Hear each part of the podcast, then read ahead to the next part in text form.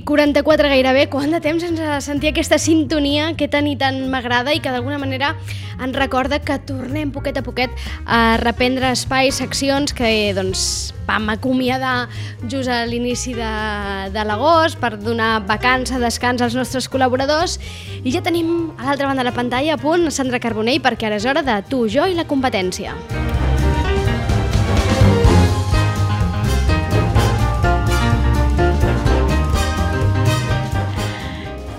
la tenim al paradís.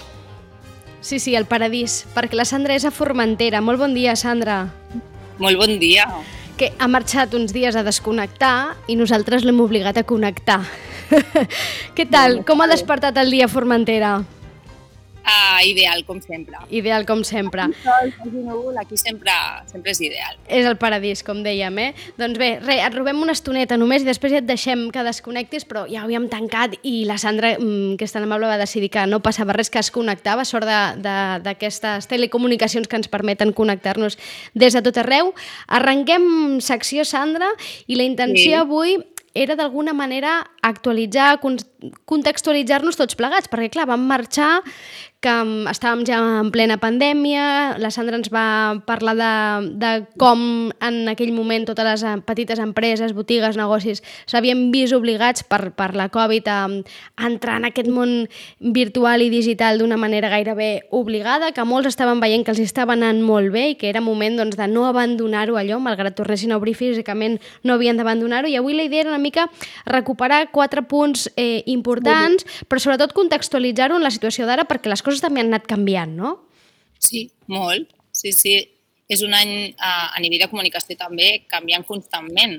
Llavors, nosaltres ens dediquem a les petites empreses, als petits comerços, no? les petites marques, eh, que són el gran gruix de la nostra economia, doncs són els que d'alguna manera eh, ho estan patint, perquè encara que a petita escala els recursos, diguéssim, a vegades financers o de més, com que també són petits, doncs o tens molta creativitat o tens un coixí o és realment difícil, difícil de sustentar. Que sempre intentem ser positius, però tampoc no podem ser ignorants no, la situació.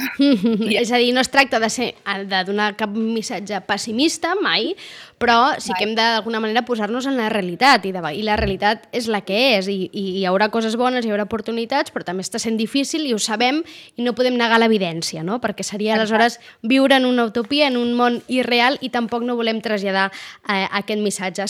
Sandra, doncs aleshores, eh, què és allò que, que és important o que seria important avui recordar aquestes petites empreses, a aquests negocis? Mira, jo he, he volgut fer com un recull de l'últim mes, una miqueta, perquè com que no hem parlat, i diria tres titulars. I després els desgloso una mica, si vols. Vale? Primer de tot, cultura digital ja. A la que tens un comerç, un negoci, una empresa, una, una marca, has de tenir cultura digital, que això no vol dir tenir una web, no vol dir tenir xarxes socials, vol uh -huh. dir pensar diferent. Uh -huh. vale? Canvia el xip, hem de canviar el xip.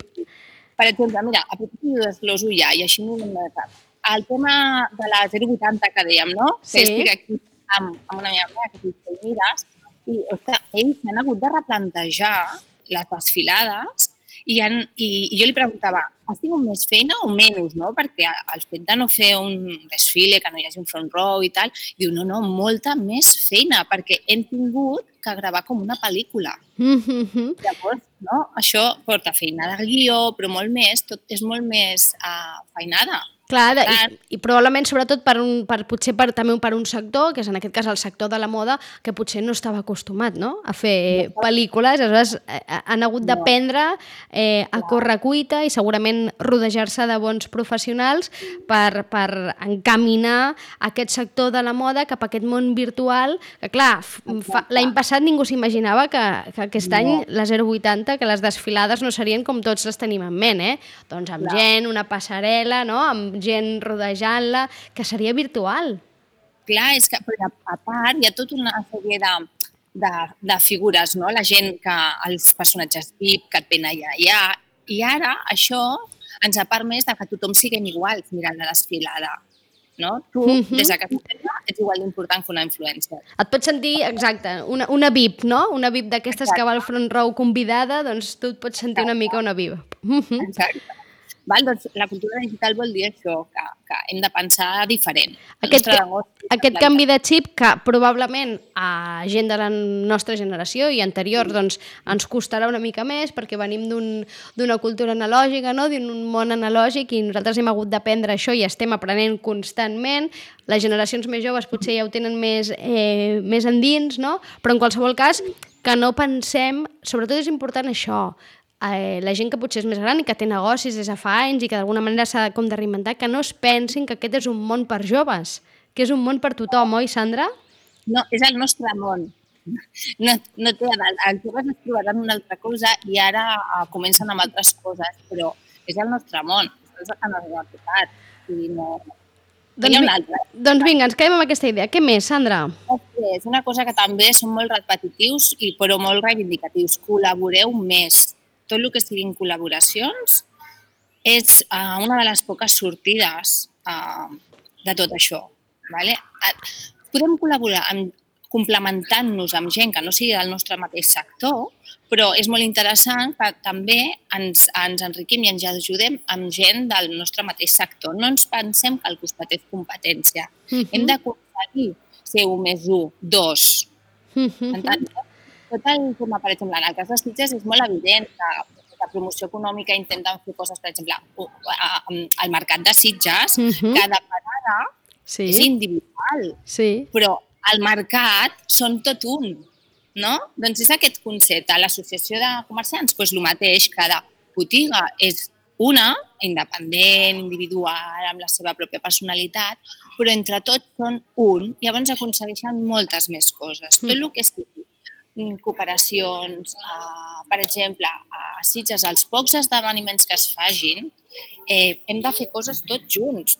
Ah, No, no puc dir, ai, doncs mira, jo intentaré fer, no sé, unes mascaretes especials per aquest dia. No, tot el carrer ens hem unit per regalar unes mascaretes o per vendre unes mascaretes o per mm, donar xocolata amb xurros, però per dinamitzar la venda. Treball cooperatiu, vaja, que, que també és, és quelcom que s'està, per exemple, demanant molt ara a les escoles, no? Amb les famílies s'està demanant molt un treball cooperatiu entre famílies i escola, doncs això ho podem traslladar també al, al món empresarial eh? i al món del negoci. Eh? El treball cooperatiu eh, passarà a ser indispensable.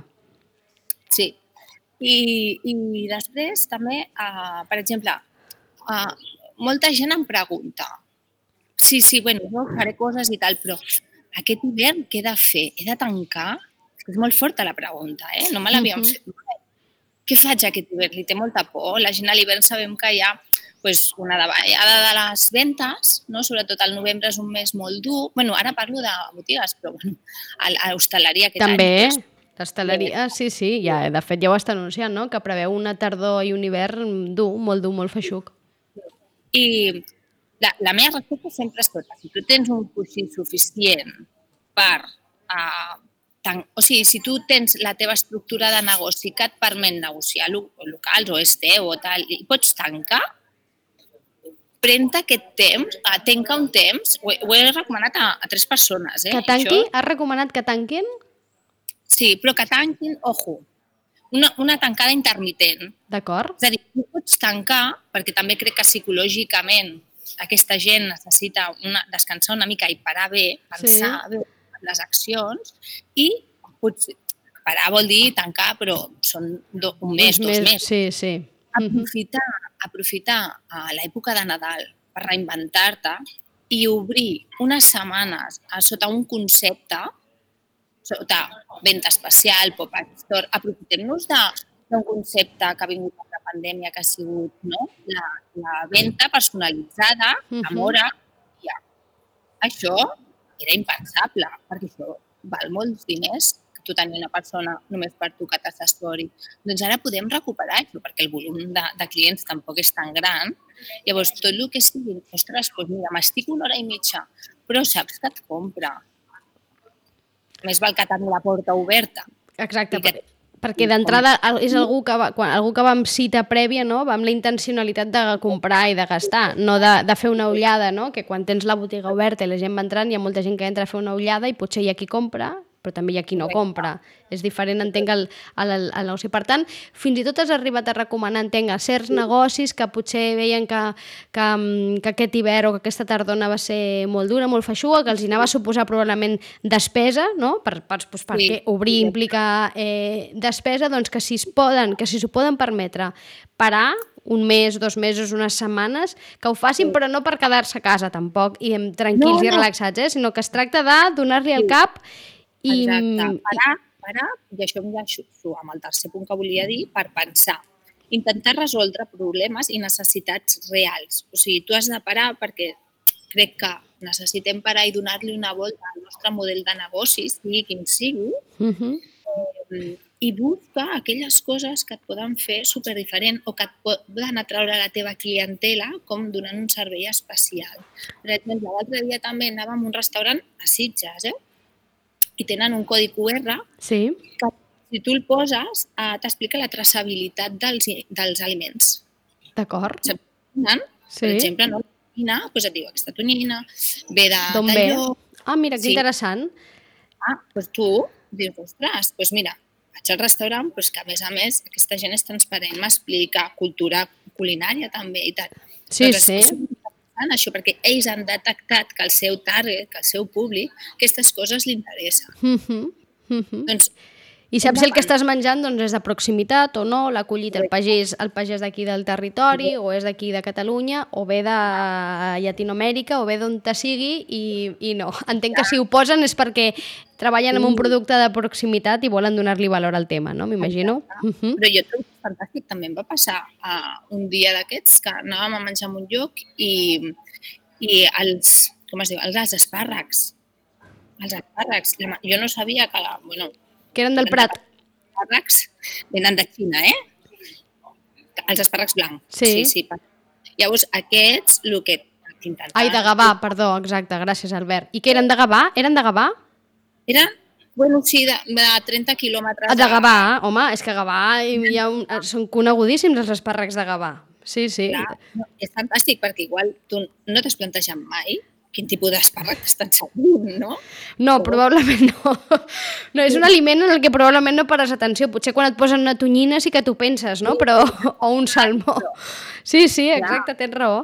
No, no, per tant, aprofitar, entenc, aquesta parada, aquesta aturada que puguin fer, que també hem de dir que el novembre, per exemple, era un mes que Sitges comercialment, i en aquest cas em refereixo a comerços, ja era un mes que tradicionalment molts aprofitaven per fer les seves petites vacances, eh? perquè estem parlant doncs, d'un doncs, sector que a l'estiu eh, doncs no fa vacances, perquè és quan eh, té el, el, la gran, i el gran increment de, de clients i d'usuaris, i, eh, i ja tradicionalment el novembre és un, un mes fluix, doncs si aquest any decideixen tancar, que l'aprofitin, eh, aquest mes, que no es quedin eh, de braços creuats i que l'aprofitin i que tornin doncs, amb aquesta ment, amb aquest xip canviat, amb aquesta mm, ment posada ja en aquesta cultura digital i en aprofitar aquestes petites coses que ens ha donat la pandèmia, eh? com bé deies ara, aquesta atenció personalitzada, que sabem, ens consta que moltes botigues els està funcionant, els hi va Molt. funcionar durant la pandèmia i els hi continua funcionant, que hi ha molta gent que ho agraeix moltíssim, que van penjant, per exemple, eh, ofertes i producte nou que els arriba a través de les xarxes i a través de les xarxes queden amb clientes, que és un Correcte. fet que probablement no s'haguessin imaginat mai a la vida que acabarien no. atenent d'aquesta manera tan personalitzada, però que probablement hi ha molta clienta que també li agrada, no? Li agrada que quan arribi a un lloc doncs, la tinguin, l'assessorin, li diguin doncs, mira pel teu cos, pel, en aquest cas de botigues de roba, per exemple, no? Sí, perquè a part, el tipus de botiga, de roba, a sitges de roba, no? Sí. O de sabates, i a més, ja, ja, ja va dirigit aquí. No tenim nosaltres grans corporacions, no? ni grans uh -huh. que, impersonals. Que, no hi ha grans no? marques, eh? això ho tenim a Vilanova, Barcelona, uh -huh, queda clar. No, que sempre ha sigut un dels trets característics. No? Uh -huh. Per tant, explotem això. És que explotem això perquè també em consta um, que, que, que ha vingut gent de Igualada, em van de Monistrol de Montserrat, em va dir, o també la Sònia d'Índia Monamur, han vingut a comprar-me una cosa perquè una noia va penjar. I em consta que molt, molt turisme de proximitat de Catalunya ha baixat a Sitges a Sí. fer compra. Sí. Perquè, però això perquè ho ha vist en les xarxes socials. Que de fet potser d'alguna manera sense voler estem recuperant un tipus de comerç i de compra que ja existia a Sitges, perquè jo quan era petita mm, les botigues vivien d'aquest eh, client no? que venia de fora. Uh -huh.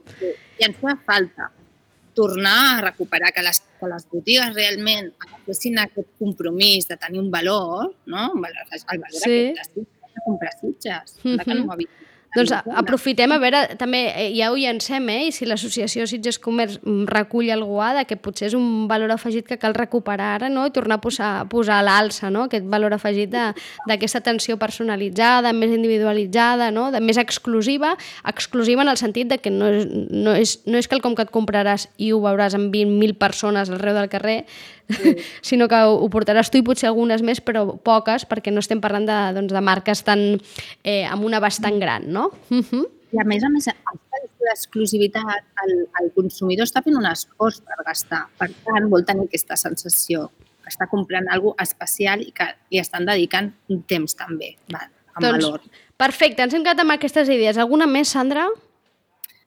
No, el resum és aquest. El resum és Seguim aquest, eh? Treballant, treballant, treballant, xarxes socials, uh, qui no tingui web encara, pues, Que s'hi posi. per presentar una mica el negoci, perquè cal estar online i, i treballar-s'ho, paciència i ganes, il·lusió i que tot sortirà. Que aquest missatge de que cal estar online i que cal estar en el món virtual i que el nostre negoci ha de tenir presència en el món virtual, la Sandra ens el deia, ens el, ens el venia dient molt abans de la pandèmia, eh? Molt abans. El que passa que aquesta Covid ha estat una acceleradora de processos a tots nivells, de bons i de no Molt. tan bons, i, i també en el món de, de l'empresa, no? i en aquest cas de la petita empresa, del petit negoci, doncs també ho està sent. I per acabar, Sandra, tens una recomanació, em sembla. Sí, una recomanació. Ara fem un punt i a part, perquè Vinga. clar, Anem a fer un punt i a part. un, uh, un documental us volia recomanar. Sí? Vale? De, està a Netflix Sí. i diu The Social Dilemma. The Social Dilemma. Uh -huh. The Social Dilemma. És molt interessant. Precisament, uh, i heu de fer cas relatiu, eh, perquè també és molt alarmista, però parla de les xarxes socials, parla de, sobretot de, de que siguem conscients de que tot el que parlem nosaltres que diem, el Google Analytics, el no sé què, les dades, perquè tu pots tenir xarxes socials web Sí. o el que sigui, però si tu no ets capaç d'analitzar les dades no et serveix de res. O sigui, la, la, el gran valor de tot això és que és mesurable. Llavors, què vol dir que és mesurable? pues que mm, hi ha una sèrie de, de gent que el que està ideant és el que vol que el consumidor miri, vegi, cliqui, doni like, uh, vagi... O sigui, estem ultra, ultra, ultra um, monopolitzats. Uh -huh. Vale?